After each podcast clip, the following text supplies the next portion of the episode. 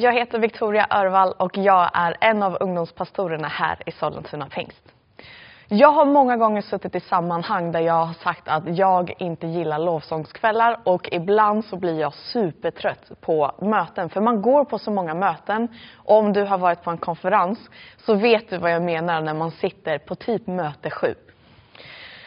Och varför har jag sagt det här? Jo, men jag har stått så många gånger när man har gått in genom dörrarna och så har man tänkt, ah, nej, inte nu igen, jag orkar inte det här igen. Jag vill inte hälsa på någon ny, jag vill inte sjunga mer och jag vill definitivt inte höra en till predikan.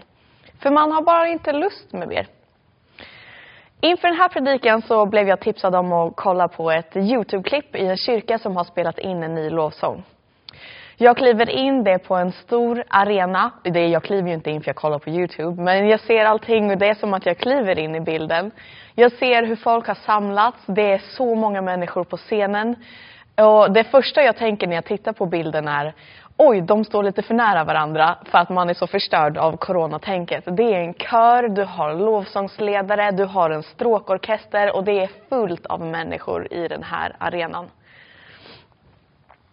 Men när de börjar dra igång med gitarren så tittar jag på klippet och så bara bryter jag ihop och så känner jag så här äh, hur många gånger har jag stått i en sån setting, lyssnat och bara kollat runt när alla andra har lovsjungit och jag har stått där längst fram och typ väntat på att sångerna ska ta slut.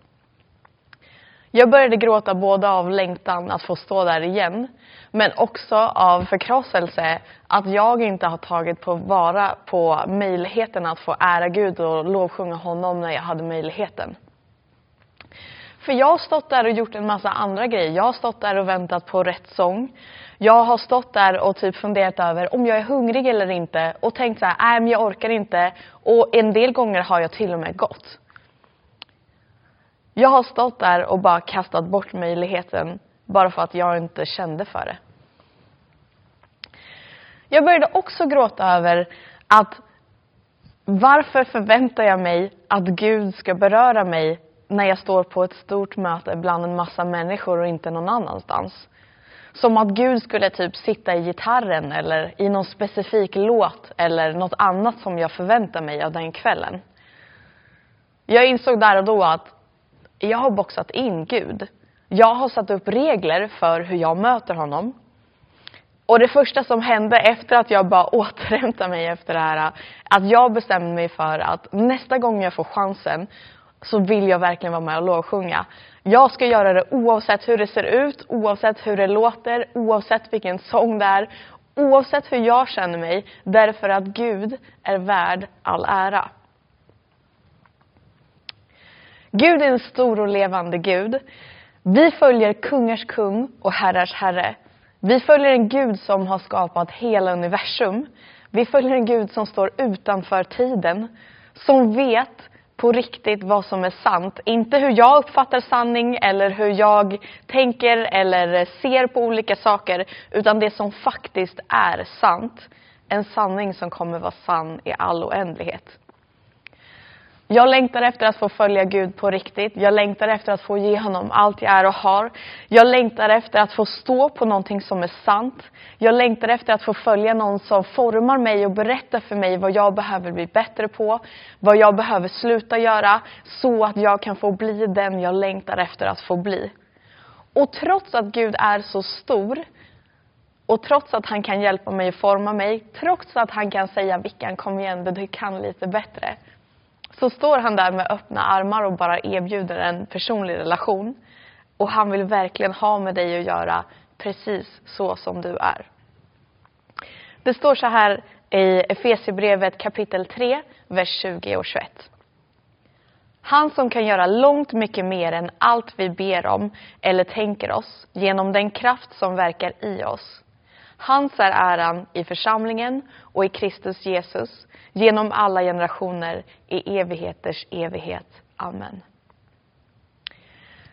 Jag grät inte för att jag kände mig som en dålig kristen.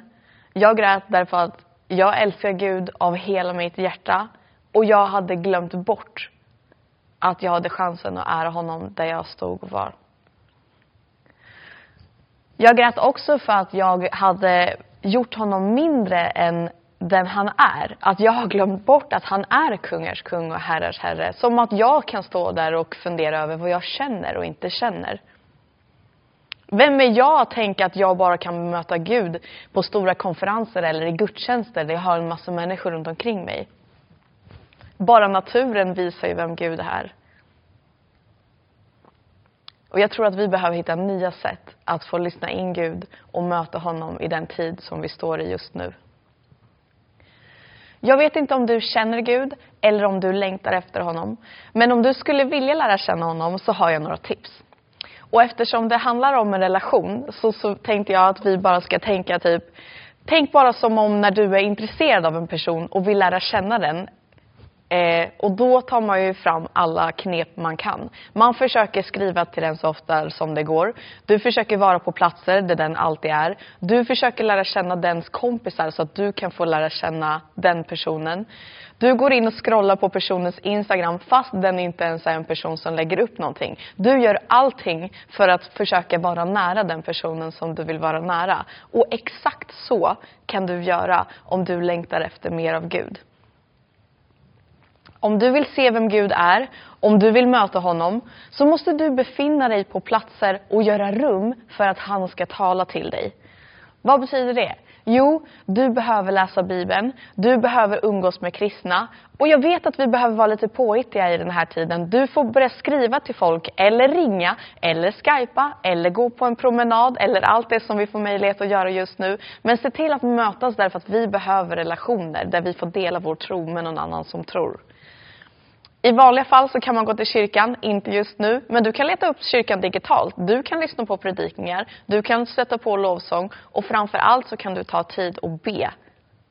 Och det kan du göra precis var som helst. Bara gå in med inställningen, Gud, jag tänker dyka upp på alla ställen jag kan för att få möta dig, för att få mer av dig och få lyssna in till det som du vill säga till mig just nu.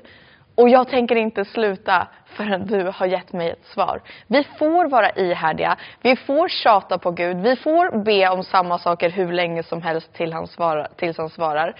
Därför att Gud vill svara oss mer än vad vi undrar. Gud vill dessutom lära känna dig precis så som det är. Det är okej okay att säga att du har kastat bort möjligheter att lovsjunga Gud. Det är okej okay att säga att du är trött. Det är okej okay att säga att du inte fattar saker. Men kommer din ärlighet till Gud så kommer han kunna svara dig på exakt det du undrar.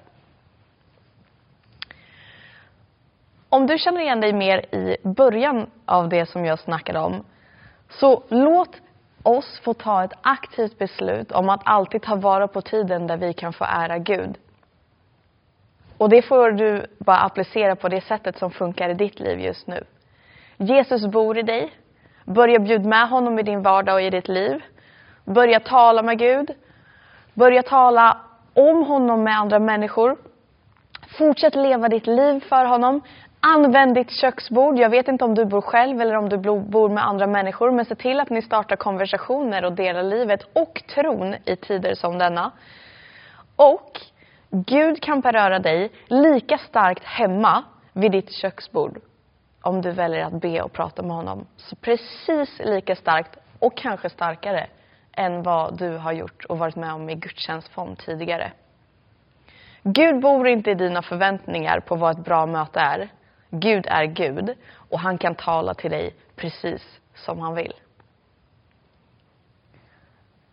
Jag tänker be för dig som längtar efter mer av Gud. Jag tänker be för dig som vill ta ett beslut idag om att ha de möjligheterna du har i den här tiden just nu att ära Gud så som du kan. Så be tillsammans med mig.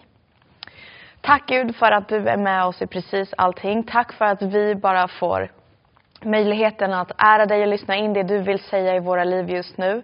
Och jag ber också förlåt. Förlåt för alla gånger som jag har failat, förlåt för alla gånger som jag har missat, förlåt för alla gånger som jag bara har tagit våra gudstjänster och möjligheten att sjunga till dig och tala med dig för givet.